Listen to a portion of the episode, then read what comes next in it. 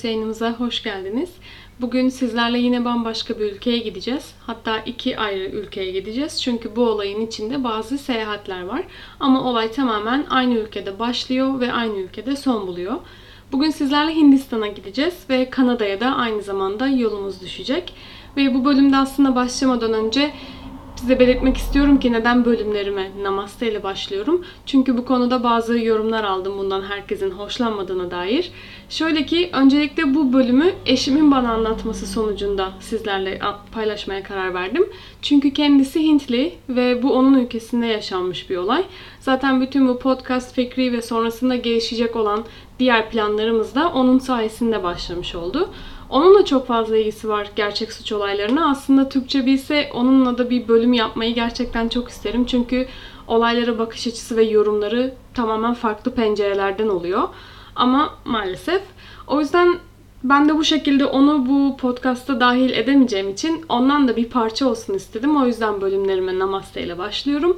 Ve biraz da o kadar çok gergin şeyler konuşuyoruz ki başta biraz rahatlık etkisi yaratmaya çalışmak istemiştim. Bilmiyorum şu an böyle söylemem size ne kadar mantıklı geliyor ama benim için tam böyle parçaları yerine oturan bir puzzle gibiydi benim için bu kelime. Ve tabii ki de soy ismim de nickname'im değil. O da gerçek soy ismim. Çok da fazla uzatmadan aslında bölüme de başlamak istiyorum. Sadece bunu söylemek istemiştim. Çünkü bu bölüm gerçekten beni çok fazla etkiledi. Umarım sizler de ilgiyle dinlersiniz diye umuyorum. Olay şu ki Jessie Sidhu, Kanada Vancouver yakınlarında Maple Ridge denilen bir bölgede ailesiyle yaşayan genç bir kız. Dediğim gibi aile Hintli ve yıllar önce Hindistan'ın Punjab bölgesinde olan Jagron şehrinden Kanada'ya taşınmışlar ve ailenin geri kalan üyeleriyle beraber kalabalık bir şekilde yaşıyorlar. Eğer Hint filmlerinden ya da biliyorsunuz o Türkiye'de gündüz kuşağında yayınlanan o dizilerden biliyorsunuzdur belki. Hintli ailelerin geleneklerinde beraber yaşamak var. Yani amcalar, halalar, aile büyükleri falan. Genellikle hep baba tarafında yaşıyor e, bu aileler. Baba taraflarıyla beraber yaşıyorlar. Çünkü kadınlar evlendikleriyle eşlerinin ailesinin evine taşınıyorlar ve onlarla beraber yaşamaya başlıyorlar. Ama sanırım yurt dışında oldukları için biraz da fayda nereden geliyorsa o yüzden e, Sidhu ailesi Justin'in annesinin tarafıyla beraber yaşamaya başlıyorlar. Justin'in uzun ismi Jasvinder Kaur Sidhu ama ailesi tarafından Jassi olarak çağrılıyor. Gerçekten e, geleceğe dönük planları olan bir genç kız. Liseden mezun olduktan sonra güzellik merkezinde çalışmak, e, kuaför ya da güzellik uzmanı olmak istiyor. Hayatından kendisi sorumlu olmak istiyor. Bir şeyler yapmak için özgür olmak istiyor. Fakat onun aile yapısında aslında bu birçok kişi için kolayca başarılabilecek bir durum değil. Cassie aynı zamanda çok dışa dönük, yardımsever ve çevresindeki okul arkadaşları tarafından da gerçekten çok sevilen birisi. Eğlenceli, zeki ve yapmak istediği o güzellik uzmanlığı işinde de gerçekten başarısı olan birisi. Ailesi gerçekten de o dönemde çevrelerinde yaşayan insanlara göre ve hatta birçok Kanada vatandaşı olan e, insanlara göre gerçekten çok varlıklı bir ailenin kızı. Ama öyle çok da paraya değer veren ve onun için yaşayan bir birey olarak yetiştirmemiş kendisini. Sadece temelinde mutlu olmak isteyen, özgür olmak isteyen, kimsenin ona emir vermemesini isteyen genç bir kadın. Ama yaşı geldiğinde de ister istemez aile büyüklerinin ona sunduğu hayatı yaşaması gerektiğini bilerek büyümüş bir genç kadın ama bunları e, yapmak istemeyen birisi. Çünkü ailesi gerçekten geleneklerine bağlı bir aile. Zaten Hindistan'da Hint kültüründe büyümüş olan insanların geleneklerini kırması gibi şeyler çok da söz konusu olamıyor maalesef. Ve Jassi bütün bu hayalleri kurarken henüz 17-18 yaşlarında bir genç kız dediğim gibi. Fakat yıllar sonra biz Haziran 9 2000 yılına geldiğimizde Jassie'yi Hindistan'da bir kanalda ölü olarak bulacağız ve bedeni gerçekten birçok işkenceye maruz kalmış ve boğazı kesilerek öldürülmüş. Kimin yaptığı ya da neden yaptığı o anda bilinmiyor. Ama birkaç kilometre geride onun bedeninin bulunduğu yerin birkaç kilometre gerisinde başka bir kişi daha buluyorlar. Bu adam gerçekten çok feci bir şekilde dövülmüş ve bilincini kaybetmiş vaziyette. Fakat hala hayatta bulunduğunda ama neler olduğunu ondan duyabilmemiz için biraz zaman geçmesi gerekecek. Çünkü kendisi komaya giriyor ve yaklaşık bir ay sonra uyanıyor. Kendine geldiğinde neler olduğunu anlatabilecek kadar hafızası da yerinde çok şükür ki. Haziran 8 günü ikisinin Hindistan'da yaygın olarak kullanılan bu scooter model e, motor sürdüklerini ve beyaz bir arabanın onları takip etmeye ve üzerlerine sürmeye başladıklarını hatta daha ilerisinde de uzun bıçaklar bu kılıç dediğimiz tarzda bıçaklar ve sopalarda e, kendilerini bekleyen başka bir grubu gördüklerini anlatmaya başlıyor bu kişi. Ve kurtulma çabaları maalesef Justin'in dengesini kaybedip motordan düşmesiyle sonuçlanıyor. Daha sonra bu kişi scooter'ı durduruyor ve Justin'in yanına koşuyor onun iyi olduğuna emin olmak için. E, bu kişinin adı da Sukhwinder Singh Mitu. Soy ismiyle tanınıyor. Bundan sonra ben de ona Mitu diye e, isimlendireceğim. Justin'in yanına geldiğinde onun iyi olduğundan emin olmasından ziyade onu korumak için yapıyor aslında. Onun üstüne kapanıyor ve araçlarından ve yaya olarak bekleyen bu saldırgan kişiler de toplamda 8 kişiler onları sopalarla dövmeye başlıyorlar. Jussie ve Me birbirlerini korumak için gerçekten büyük bir çaba sarf ediyorlar ama maalesef hiçbir işe yaramıyor. Me neden onları dövdüklerine dair soru sormaya çalışırken bu kişilere Justin'in son kelimeleri de maalesef Me ismi oluyor. Me Too'yu incitmemeleri için bu kişilere yalvarıyor. Daha sonra Me hatırladığı ilk şey de gözlerini hastanede açması oluyor. Sonrasında maalesef bu kişiler Jassie'yi arabaya koyup kaçırıyorlar ve o onu bulduğumuz birkaç kilometre ilerideki bir kanal yakınlarına getiriyorlar. Maalesef sonrasında Jassie'nin öldüğünden Mithu'ya haber veremiyorlar. Ee, bir sürede bu kendisine söylenemiyor. Çünkü Jassie ve Mithu evliler ve birbirlerini gerçekten çok seven bir çift. Daha sonra Justin'in otopsisinde ölüm nedenini geçirdiği şok ve organlarına aldığı darbelerden ötürü geçirdiği kanamalar olarak kayıtlara geçiyor. Ve anlaşılıyor ki maalesef kendisine bu 8 kişi tarafından birçok kez tecavüz edilmiş ölmeden önce. Bu çiftin neden saldırıya uğradığını ve Justin'in hikayesinin nasıl oldu da Kanada'dan Hindistan'a uzandığını öğrenmek için biraz geçmişe gitmemiz gerekiyor. Dediğim gibi Justin ve ailesi varlıklı bir aile. Hepsinin ortak çalışmalarıyla yürüttükleri yaban mersini bağları var ve bu işten gerçekten de milyon dolarlar kazanıyorlar. Çünkü bu meyvenin tüketimi taze olarak özellikle gerçekten Kanada ve e, Amerika gibi ülkelerde çok yaygın ve aile üyeleri de daha çok Hindistan'da o Punjab denilen bölgede yaşayan insanların arasından yaygın, yaygın olan Sihizm dinine inanıyorlar. Filmlerde eğer başına kavuk benzeri türbanla bağlanmış kişiler, erkekler özellikle görüyorsanız onlar bu Pancap bölgesinde yaşayan Sihizm dinine ait e, inanan insanlar, Sih diye adlandırılıyorlar. Her ne kadar benim de bazılarıyla kötü anılarım var ama genelde yaşayış felsefeleri açısından gerçekten çok iyi insanlar. Onların inanışlarında reenkarnasyon var. Çok yaygın bu ve eğer bu hayatında güzel şeyler yaparsan daha sonraki yaşayacağın diğer hayatlarının da buna bağlı olarak çok daha da güzelleşeceğini ve daha da iyi bir şekilde bu dünyaya tekrardan geleceğini düşünen insanlar. O yüzden aile üyeleri gerçekten hem ekonomik hem de kendi aralarında iyi geçinen bir aile. Tabii ailenin başı sadece erkek olabilir. Çünkü geçimi onlar sağlıyorlar ve kadınlar daha çok ev yönetiminden sorumlular ve çocuklarla ilgileniyorlar. Justin'in babası şizofreni belirtileri gösterdiği için ve yıllar içinde de artan bir durumu olduğu için bütün aile üyelerinde yönetimi sağlayan kişi Justin'in dayısı Surjit Singh Badesha. Herkesin hayatının içinde olan ve ona sorulmadan çok da karar verilip adım atılmayan bir kişi kendisi. Ailenin başında ve herkesten o sorumlu. Ve aile gerçekten çok büyük olduğu için zamanında paylaştırılarak satın alınmış yan yana arsalarda evlerini kuruyorlar. Yani bu evde toplamda 25 oda, 19 banyo ve 6 tane mutfak var. Ve hep beraber yaşıyorlar. Artık siz düşünün yani o kadar kalabalıklar ki bir iki mutfak değil altı mutfak bile yetmiyor bazen. Herkesin birbirlerinden haberi var bu arada. Hepsinin işleri aynı. Her şey kazandıkları her para herkesin aynı kasaya giriyor. Ve Justin'in de aslında çok sıradan bir hayatı var. Sadece okul ve ev arasında gidip gelebiliyor. Öyle arkadaşlarla istediği zaman dışarı çıkamayan, istediği her yere gidemeyen ve bu gittiği bu çok kısıtlı zamanlarda bile etrafında sürekli onu takip eden erkek bir aile üyesinin olduğu bir yaşamı var. Ki bu onun çok da yaşamak istediği bir hayat değil aslında. Ve liseden sonra gitmek istediği okulda sürekli bir ailesinin üyesiyle beraber gidiyor. Ve aynı zamanda da o kişi onun okuldan almaya geliyor ve direkt olarak eve dönüyorlar. Hem de her gün yani hiç sekmiyor bu. Haliyle erkek arkadaşı olması çok da mümkün olan bir şey değil. Hatta lisesi bittikten sonra bütün bu sorunların son bulacağını düşünüyor. Çünkü 18 yaşını bitirdiğinde kendi hayatını yönetebilir zannediyor ama maalesef öyle olmuyor. Birkaç yıl içerisinde çalışmaya başladığı zamanlardaysa kendi parasını biriktirip istediği hayatı kurmayı planlıyor. Fakat o da çok mümkün olmuyor. Çünkü onun ihtiyacı olan kadar olabilecek bir parayı onun eline bırakıyorlar ve kalan para her ne kadar milyonlar kazansalar da ailenin kasasına giriyor. Sanırım 25 odada yaşayan her ailede her kuruşun önemi çok büyük. Zaten Hintli ailelerin birçoğunda da çok fazla bir tutumluluk hali söz konusu.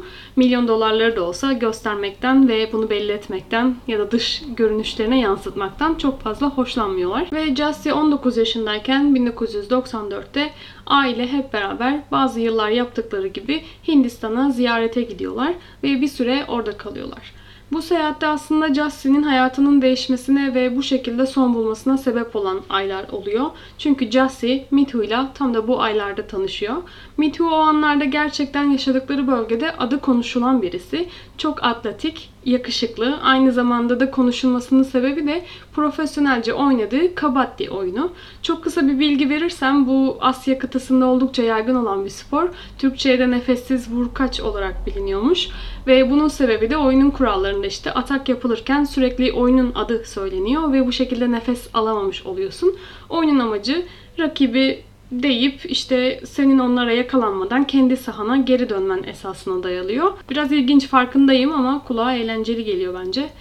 Aynı zamanda kendisi taksi şoförlüğü de yapıyor ekstra gelir için ve Justin'in alışveriş yaptığı bir gün ikili karşılaşıyorlar. Justin zaten onun adını duyduğu için çevresindeki kişilerden bir nevi kim olduğunu biliyor ve söylediklerine göre de ikilinin arasında ilk görüşte bir etkileşim oluyor ve şans eseri Justin'i beraberindeki kişilerle beraber eve götürecek taksiyi de Mithu kullanıyor ve yolda ikili arasında bir not değişimi gerçekleşiyor. İşte birbirlerinin isimlerinin ve nereli olduğunu söyleyen. Daha sonrasında yaşananlarda da orada kaldıkları süre boyunca sürekli gizlice görüşmeye ve iletişim kurmaya çalıştıkları bir dönem. Çünkü zaten telefon sistemi çok gelişmemiş ki kaldı ki Hindistan'da bu tarz şeyler daha da az yaygınlanmış bir halde. İkili Zaman içerisinde Mithu'nun Justin'in penceresinin altına geldiği zamanlarda birbirlerini gizlice görebilecekleri ve birbirlerine aşık olduklarını anladıkları zamanlar geçiriyorlar. Ailesinden ötürü bu tarz gizli buluşmalar aslında biraz tehlikeli olduğu için de Justin'in teyzelerinden birisi onlara yardım ediyor ve bir süre diğer aile üyelerine yakalanmamaları için her akşam hazırladıkları yemeklerine ufak dozda uyku hapları atıyorlar ki konuştukları anlar duyulmasın diye. Fakat bir süre sonra tabii ki de bu ilacın etkisi artık çok az kaldığı için bir şekilde diğerleri bağışıklık kazandığı için çok fazla etkilemiyor. O yüzden ikili bir süre sonra Justin'in annesine yakalanıyor. Ama Mithu hemen kaçıyor ve kim olduğu görünmüyor. Ve bütün bunları aslında gizlice yürütmelerinin sebebi de Justin'in ailesinin Mithu'yla evlenmesine izin vermeyecek olmaları. Hatta sonradan öğreniyoruz ki Justin birçok arkadaşıyla da konuşurken eğer ailesi bir kişiyle konuştuğunu duyarlarsa onu öldüreceklerini bile söylüyor. Hem de farklı durumlarda ve defalarca söylüyor. Ee, her ne kadar kendi kültürlerinden, kendi şehirlerinden olsa da bir çeşit zengin kız, fakir olan durumları var burada.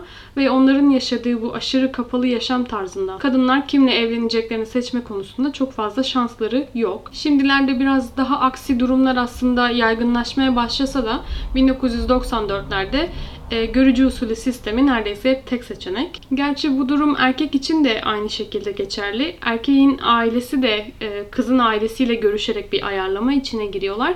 Ama yani bu toplum sisteminde de erkekler için kimle evlenecekleri çok da fazla fark etmiyor diyebilirim. Öyle ki Justin'in Kanada'ya gitmemek için artık bir sebebi var ama bu çok mümkün değil birbirlerini bir daha göremeyeceklerini düşünerek ayrılıyorlar ve tam da anlattığım gibi Justy'yi döndüklerinde bir görücü usulü bir evlilik bekliyor. Hem de kendisinden 40 yaş büyük birisiyle. Bu 60 yaşındaki kişi zengin ama Justy 20 yaşında olduğu için gerçekten aralarında çok büyük bir yaş farkı var. Bunun sebebi tabii ki de Mitu ile olan o yakalanmaları ama onun o sırada kim olduğu bilinmese de birileriyle görüşüyor olduğunu bilinmesi. Ve bu kişiyle, bu yaşlı kişiyle Justin'in dayısının arasındaki iş bağlantısı. Her ne kadar bundan olabildiğince kaçmak ve gerçekleşmesine engel olmak istese de bu çok da mümkün olmuyor sıralarda ama bu süre boyunca bu ikilinin elinde kalan tek iletişim mektuplaşma. Sürekli Mitu'ya acele etmesini, kendisini kurtaracak bir şey bulmasını istiyor. Ama o noktada sadece bunu mektuplaşarak ne kadar yapabilir onu da çok da mümkün olmuyor maalesef. Bu arada ikilinin arasında bir problem var. O da konuştukları dil.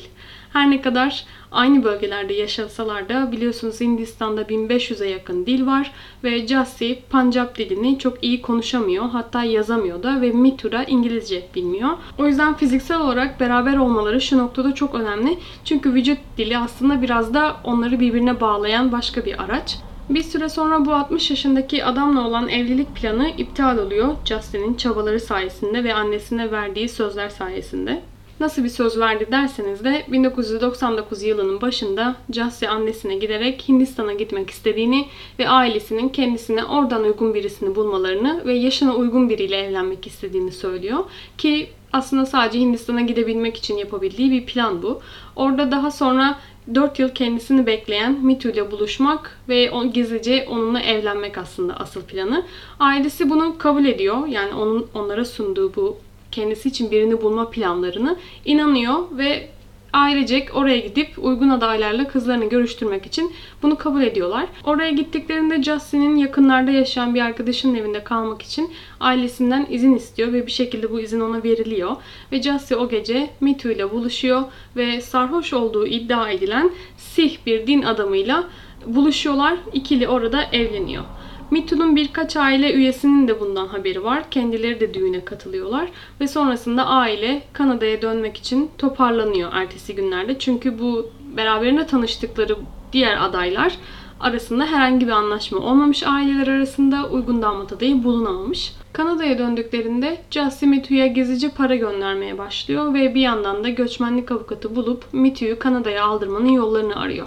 Çünkü ailesinden kaçmanın Kanada'da çok daha kolay olacağını ve orada yaşamanın daha rahat ve mutlu olabileceğini düşünüyor ki tamamen haklı. Çünkü eğer bu evlilik olayı Justin'in ailesi tarafından öğrenilirse ikisinin de hayatının tehlikede olduğunu biliyor. Ardından bir yıl geçiyor. Her şey düzgünce gidiyor aslında. Jussie Mitu'ya para göndermeye devam ediyor ve avukatla görüşmeye devam ediyor. Fakat aslında ufak ufak da bir şeyler değişmeye başlıyor bu sırada. Çünkü bu süre boyunca aslında Hindistan'da ortaya çıkan bazı dedikodular var. Bir çiftin gizlice evlendikleri konuşuluyor. Zaten o anda herkes bunun Jussie ve Mitu olduğunu da ufak ufak şüpheleniyorlar. Ve Justin'in annesine gelen bir telefonla da bu ortaya çıkıyor. Annesi tabii ki de çok üzülüyor ve sürekli Mitu hakkında şikayetlere başlıyor. Justin'in odasına kilitliyorlar, bir süre aç ve susuz bırakıyorlar ve fiziksel olarak da şiddete maruz kalıyor. Bu sırada Justin'in dayısı Sanjit de Hindistan'a gidiyor ve sorunu orada çözmeye çalışıyor. Tabi bunu polise gidip Mitu hakkında şikayette bulunarak yapıyor ve Justin'in bu evliliği silah zoruyla ikna edildiğini söylüyor. Mitu'nun evine gerçekleşen polis baskınında da şans eseri o sırada o evde olmasa da annesi polis tarafından tutuklanıyor ve sorguya alınıyor ve biraz sıkıntılı bir süreçten geçiyor.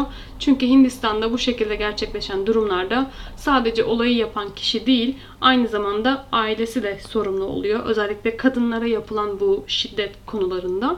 Aslında birçok kez Hindistan'da tecavüz haberleri duysak da aile içinde yaşanan bu sorunlarda kadınları korumaya dayalı olan birçok kanun ve çok sert kanunlar var. Annesinden sonra Mitu'nun yakın arkadaşı olan Benderey'de bulunuyor ve polisler onunla da konuşup bu zorlamanın olduğunu söylemesi için ona baskı uyguluyorlar. Hatta bunun için Justin'in dayısı Sanjit kendisine 16 bin dolar teklif ediyor. Ve bunu yine onu döverek ve fiziksel bir şekilde zarar vererek ona kabul ettirmeye çalışıyorlar. Şimdilerde bile bu şekilde olsa da o zamanlarda polisin yaptığı bu şiddet olayları Hindistan'da çok da ilginç bir durum değil aslında. Fakat Vanderay bunu kesinlikle kabul etmiyor. Hatta bu para teklifi polisin karşısında oluyor ve polis bunu kabul etmesinin mantıklı olduğunu söyleyerek onu ikna etmeye çalışıyorlar sürekli. Ve Kanada'da da bir yandan Jussie üstünde bazı baskılar devam ediyor. Annesi onu boşanmak için ikna etmeye çalışıyor ve kesinlikle Jussie bunu kabul etmiyor. Birkaç gün sonra annesi tamamen stratejisini değiştiriyor ve Jussie'ye giderek fikrini değiştirdiğini söylüyor ve Mitu'ya ulaşmasını onu Kanada'ya getirmek için yapılacak olan işlemlerde ona destek olacağını söylüyor. Mitu'yu daha yakından tanımak istediklerini söylüyor ve Jassie'yi Mitu'yu getirmek için bazı kağıtlar imzalatıyorlar. Fakat tahmin edebileceğiniz üzere bunlar Jassie'nin zorla evlendiğine dair yazılmış olan ifadeler ve Jassie bunlara imza atmış oluyor ve bu belgeler Hindistan'a fakslanıyor. Justin'in gözlerini okumuş bu belgeleri nasıl imzalamış derseniz de söylediğim gibi aslında Justin çok fazla Pancap diline hakim değil. O yüzden sadece annesine güvenen genç bir kadın olduğu için bu kağıtları imzalıyor ve bu belgeyle beraber MeToo'nun resmi suçlaması da başlamış oluyor. MeToo bunu duyduğunda gerçekten şok oluyor. Fakat yine de bir şekilde Jussie'ye ulaşarak aslında ona neye imza attığını ve orada neler yaşandığını Hindistan'da neler olduğunu anlatıyor. Daha sonrasında Jussie bir arkadaşına ulaşıyor ve ona Kanada polisini aramasını, onların evlerinden çok fazla çığlık ve kavga sesleri duyulduğunu söylemesini istiyor. Ve polisler eve kontrole geldiğinde her şey yolunda mı diye bakmaya geldiklerinde Jussie o sırada her şeyin yolunda olmadığını söylüyor ve eşyalarını toplayarak polis eşliğinde evden ayrılıyor. Ve yine arkadaşlarının yardımıyla uçak bileti alınıyor ve kendisi Hindistan'a gidiyor. Hindistan'a gitmeden önce de bu arada kendisi sürekli Hindistan'daki polis merkezini arayarak kendisinin Jassi olduğunu söylüyor ve tamamen bir yanlış anlaşılmanın olduğunu, ailesinin onu kandırdığını anlatıyor. Fakat polis eğer yüz yüze gelip bunları söylemezsen bu telefon aramalarının hiçbir değerinin olmadığını söylüyor. O yüzden Jassi Hindistan'a gitmeye karar veriyor. Mayıs 12 günü Hindistan'a geldiğinde onu Mitu karşılıyor havaalanında her ne kadar kendisi aransa da ve beraber polise gidiyorlar ve bütün bu yanlış iddiaları orada yüz yüzeyken ilk inkar ediyorlar ve ailesinin Mitu'yu istemediği için zorladıkları şeylerden bahsediyorlar. Ve bunun için avukat tutmak istediğinde ise yine dayısı ve onun parası devreye giriyor ve rüşvet alan hiçbir avukat onun bu dosyasına bakmak ve bunu kabul etmek istemiyor. Fakat sonunda bir tane avukat buluyorlar ve resmi olarak bu suçlamalardan da arınmış oluyorlar. Bu arada dayı Sancı ikiliyi sürekli arıyor ve en sonunda karşılaştıklarındaysa aile onurlarını kirlettiklerini söyleyerek eğer ayrılmazlarsa ikisini de ölümle tehdit ediyor. Fakat o noktada artık ikisinin çok da fazla korkacak bir şeyleri yok. Çünkü artık sonunda özgür olduklarını düşünüyorlar Ölseler de çok da bir şeyin fark etmediğini çünkü beraberken aslında her şeyin çok da kolay gözüktüğünü inanıyorlar. Çünkü birbirlerine arasında oluşan bağ gerçekten çok güçlü. Ve Sanjit çok da çaresi kalmadığını anladığı için Kanada'ya geri dönüyor. Ve ikili Mitu'nun ailesiyle beraber artık normal evli bir çift olarak yaşamaya başlıyorlar. Ve gerçekten tam da bir aile ortamları var. Fakat Mitu'nun annesi onların orada güvende olmadığını bildiği için ikisini başka bir şehirde yaşayan aile üyelerinin yanına göndermek istediğini söylüyor. Ve çift bunu kabul ediyor. Fakat Justin'in ailesi onları orada da buluyor ve bu olayın yaşandığı anlara geliyoruz. Orada nasıl buldular derseniz de bu noktaya yine Justin'in annesi dahil oluyor ve Jussie'ye ulaştığı bir anda artık onu affetmek istediğini ve onu çok özlediğini söyleyerek yerlerini öğrenmeye çalışıyor ki size para göndereceğim, birbirinize destek olun, orada daha iyi yaşayın diyerek Jussie'yi kandırıyor ve Jussie bence olabilecek en saf insan ve en kötü anneye sahip kişi. Onların yerini öğrendikten sonra bunu aile büyükleriyle paylaşıyor anne ve bu planlandıkları cinayet ve kiraladıkları insanlarla orada karşılaşmış oluyorlar. Bu arada tabii geçen zaman var. Ee, Cassie annesini aslında çok özlediği için ve aylarca da beraber konuşmadıkları için hiçbir şekilde iletişimde bulunmadıkları için annesinin tekrar onu aramasına ve annesiyle konuşmaktan aslında çok mutlu oluyor. Çünkü yaşadıkları toplum içinde de birçok baskı var aslında. Yerlerini de bu yüzden değiştirmek zorunda kalıyorlar. Toplum arasında da çok da fazla kabul görmeyecek bir durummuş gibi ilerliyor bu. E tabi o bölgede yaşayan insanlar da çok zengin olan bir kişiyi mi desteklerler yoksa birbirlerini gerçekten seven insanları mı desteklerler? Bu da zaten az çok o bölgede onlara karşı nasıl tepkiler olduğunu kafamızda canlandırmamıza sebep oluyor. Ve olayın sonrasında Me Too kurtulsa da eşinin başına gelenlerden dolayı zaten çok yıkılmış bir durumda ve hala kendi hayat içinde de korku içinde ki bunu destekleyecek birkaç saldırı daha oluyor kendisine karşı.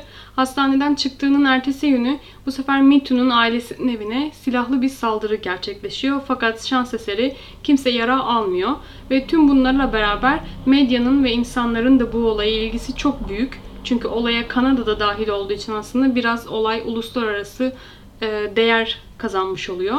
Ve bu yüzden polis bu sefer para için değil, gerçekten de çok büyük tepkiler olduğu için ve bu olayın çok duyulmasından ve gözlerin onların üzerinde olmasından dolayı olayı daha iyi bir şekilde yürütmeye çalışıyorlar. Ve takip ettikleri bilgiler onları bir çiftlik evine yönlendiriyor ve orada buldukları bir arabanın ön koltuğunda üzerinde kan izleri olan kıyafetler buluyorlar ve yine aynı zamanda kılıca benzeyen büyük bir bıçak Justin'in tek ayakkabısı ve bir tüfek de beraberinde bulunuyor. Bu arabanın sahibi Anıl Kumar ve bu kişi o bölgede büyük bir suç örgütünün de üyesi olduğu bilinen birisi ve onunla beraber birkaç kişi sorgulanmaya alınıyor ve bu kişiler yavaşça itiraflarına başlıyorlar. Bu arada bu kişilerden birisi de polis. Şimdi asıl soru bunu neden yaptıkları. Buna cevap olarak da Jesse'yi öldürmek için kendilerine 50 bin dolar teklif edildiğini söylüyorlar ve bununla beraber telefondaki aramalar incelendiğinde de bu aramaların çoğunun Kanada'dan geldiği görülüyor. Öyle ki bu birkaç arama da değil ya da birkaç gün öncesinde de değil. Bütün bu aramalar Jesse Hindistan'a o arkadaşlarının yardımıyla gittiği ilk günlerde başlıyor ve onların ölümlerine kadar geçen süre boyunca da 147 tane arama var. Bu aramalarda Darshana Singh isimli bir kişiye gidiyor ve bu kişi de dayı Sanjit'in eski arkadaşı ve aynı zamanda da bu suç örgütünün üyelerinden hatta en başlarında olan kişilerden bir tanesi. Ve söylemiştim bu olay aslında uluslararası da ses getiriyor ve Kanada bunu çok konuşuyor. Bu yüzden Justin'in arkadaşları bu sefer onun ailesi hakkında polise şikayette bulunuyorlar. Fakat cinayet orada gerçekleşmediği için Kanada polisi yapabilecekleri herhangi bir şey olmadığını söylüyorlar ve onlar hakkında yasal işlem başlatılamıyor. Ve Sanjit arkadaşı olan Darshana haricinde bu olaya dahil olan 3 kişiyle olay gecesi sürekli iletişime geçmiş ve onların da aralarında 12'şer tane arama görülüyor. Sonlarında daha fazla baskıya dayanamadığı için Kanada polisi bu olayın üzerinde olduklarını ve tutuklama kararının çıkabileceğini ve şu an aktif olan bu soruşturma hakkında daha fazla açıklama yapamayacaklarını söylüyorlar. Fakat daha sonra görülüyor ki aslında yapılan ya da yapılacak olan hiçbir şey yok. Çünkü bu arada Justin'in öldürmesinin üstünden tam 5 yıl geçmiş. Hindistan'da tutuklanan insanlar var tabi ama olayın azmettiricisi olan Justin'in ailesi hakkında hiçbir şey yapılamıyor Kanada'da. Ve bu olay araştıran araştırmacılara ve bu gazetecilere, bu olayın üstünde olan gazetecilere anne ve dayıyla konuşma yapmaya çalışıyorlar. Fakat onlar sürekli onlardan kaçarak hiçbir şekilde açıklama yapmıyorlar. Ve Me Too içinde hala tehlike devam ediyor aslında Hindistan'da. Arkadaşları sürekli onunla beraber silahlı olarak dolaşıyorlar. Hatta Me Too mümkün olduğunca evlerinin çatısında uyuyor ki eğer yeniden bir saldırı gerçekleşirse kendisini çatıda koruyabilsin, zemin katta olan evlerinin içinde direkt olarak hedef olmasın. Ve Too aslında yapabileceği her şeyi yapmaya çalışıyor. Justin'in ailesinin de bu cezalandırma sürecine katılması için sürekli bir çaba sarf ediyor. Ve aile yine Me Too'ya para teklif ediyor. Ve artık susması ve bu olayı unutması için ellerinden geleni yapıyor ama o Justice'ye olan sevgisinin parayla kıyaslanamayacağını söyleyerek susmayı reddediyor. Aynı zamanda para tekliflerini de reddediyor. Tek istediği aslında Jussie için adaleti sağlamak ve 2004 yılında aynı bölgede yaşayan bir kadın Mitu'nun ona tecavüz ettiğini söyleyerek polise şikayette bulunuyor. Ve dediğim gibi bu kadınlara yapılan bu tarz suçlar hem aile içi şiddet hem tecavüz Hindistan'da bu olayların öncesinden çok sonrasında ses getirdiği için Too hapse giriyor ve suçlamaları kesinlikle reddediyor. Sonlarında ortaya çıkıyor ki aslında bu suçlamayı yapan kadın da Darshana Singh için çalışıyor ve o sırada Darshana kefaletle dışarı çıkmış bu arada ve Justin'in duruşmasının kararını serbest bir şekilde bekliyor. Gazeteciler ona bunu sorduklarında olayla kesinlikle ilgisi olmadığını ve Mitu'nun bunu yapabilecek biri olduğunu iddia ediyor. Ve 2005 yılına geldiğimizde de 7 kişi ve Darshana son duruşmasına çıkıyor ve 3 kişi haricindeki Darshana dahil 4 kişi müebbet hapis cezasına çarptırılıyorlar. Ve 2009 yılına geldiğimizde maalesef görüyoruz ki 2004 yılında yapılan bu tecavüz suçlaması yüzünden Me Too son 4-5 yılını hapiste geçirmiş ve 2009 yılında yapılan DNA araştırması sonucunda herhangi bir eşleştirme bulamadıkları için bu suçtan aklanıyor. Zaten aynı zamanda bu kadın Darshan için e, çalıştığını da bu arada itiraf etmiş oluyor. DNA sonucu açıklandıktan sonra yani yalan suçlama yaptığını itiraf ediyor. Ve maalesef ikisi de çok gençken başladıkları bu ilişki yüzünden tamamen hayatlarının yönleri değişiyor. Ve bu arada yine aynı yıl yani 2009'da anlaşılıyor ki müebbet hapse çarptırılan Darshan bir süredir Justin'in ailesinin yaşadığı yerde yani Kanada'da yaşıyor. Evet adam hem hapisten çıkmış hem de Kanada'ya vize alabilmiş. Neden onlara yakın yaşadığına büyük ihtimalle zaten bu anlaşılabilir. Ve sonradan öğreniliyor ki Hindistan Yargıtayı tarafından karar verilen e, sonuçta serbest kalmış ve sicil kaydıyla ilgili de yalan söyleyerek Kanada vizesini almış. Hatta oturum iznini bile almış 2008'de ve ortaya çıkan bir tanık da söylüyor ki Darshan'ın yaptığı bu sadece para için değil aynı zamanda bir nevi iş ortaklığı anlaşması. Görülüyor ki Sanjit'in aldığı büyük bir evin topusunda iki isim var ve bunlardan biri Sanjit'in oğlu, diğeri de Darshan'ın kızı.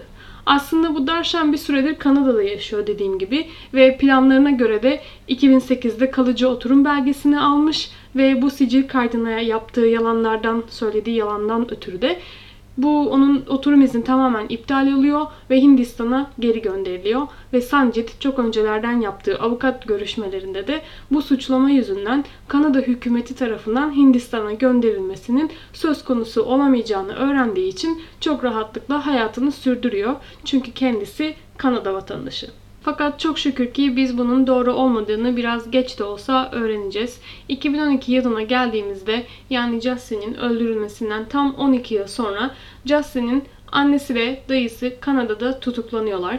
Tabi buna en büyük destek bu olayın dediğimiz gibi çok ses getirmesi ve Justin'in arkadaşlarının Kanada polisine vermiş olduğu ifadeler.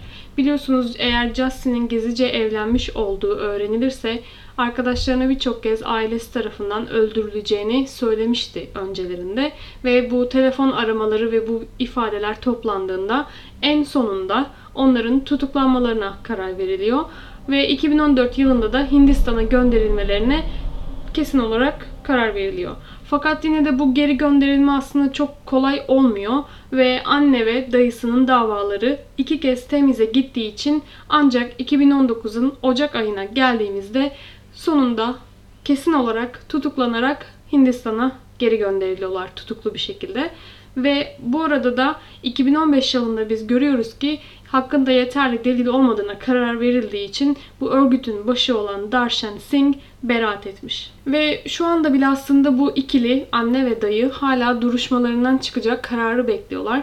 Ve olaya karışan adamlardan birinin verdiği ifadede de aslında çok acı bir şey ortaya çıkıyor ve o gün o onlara saldıran kişiler aynı anda Kanada'yla telefonda görüşüyorlar ve bir ara telefonu çok yalvardığı için Jassie'ye veriyorlar ve Jassie telefonda annesine istedikleri her şeyi yapabileceğini yeter ki Mitü'ye zarar vermemeleri için yalvarıyor ve onu dinleyen soğukkanlı ve bence çok duygusuz olan annesi telefonu geri alan adama Jassie'yi sağ bırakmamalarını söylüyor ve bu sayede Hindistan'da onların beraat edilmesi gerçekleşmiyor. Yani bu ifadeye dayalı olduğu için Hindistan'da onların beraatine karar verilmiyor. Dava hala sürüyor. Ve bu cinayet aslında onlar için, onurları için yapılmış bir olay olarak basına yansıyor. Ve maalesef bu bizim ülkemiz için de çok da yabancısı olmadığımız bir bahane. Her şey herkes için çok farklı olabilirdi aslında. Çünkü aralarında ne bir din farkı var, ne bir bölge, ne de bir yaşayış bakımından farklılıklar söz konusu. Ve bu cinayetin sebebi de kesinlikle inandıkları din olan Sihizm yüzünden değil. Sadece bu toplum ve yaşayışların, örflerin ve adetlerin sonucu verilmiş olan bir karar ve maalesef toplumların değiştiremediği bu değer yargıları birçok ülkede özellikle kadınların hayatlarını etkilemeye devam ediyor. Me Too'ya gelince gerçekten ilk aşkı olan Jassie'ye olan bağlılığını asla kaybetmemiş ve kendisi hala evlilik yüzüklerini de parmağından çıkarmamış birisi. Bütün bu tecavüzde yargılandığı süre boyunca ve sonrasında ona yapılan baskılar sonucunda bile o, o yüzük hala onun parmağında ve Jussie için gelecek adaletin sonucunu bekliyor şu an kendisi. Onlar hakkında yapılmış eğer izlemek isterseniz Murder Unveiled ve Forbidden Love isimli iki ayrı belgesel film çalışması var. Ve hatta eğer siz de destek olmak isterseniz uluslararası platforma açık olan Justice for Jussie adına bir imza kampanyası yürütülüyor şu anda. Eğer isterseniz siz de sayfayı ziyaret edip oraya imza atıp destekte bulunabilirsiniz. Ben aslında önceden bildiğim olayları araştırıp yazıya dökerken çok fazla etkilenmediğimi fark ettim. Çünkü bir şekilde bir bağışıklık sağlamışım sanırım onların durumlarına. Ama yeni öğrendiğim olaylar gerçekten beni çok fazla derinden etkiliyor. Jussie kesinlikle bunlardan bir tanesi.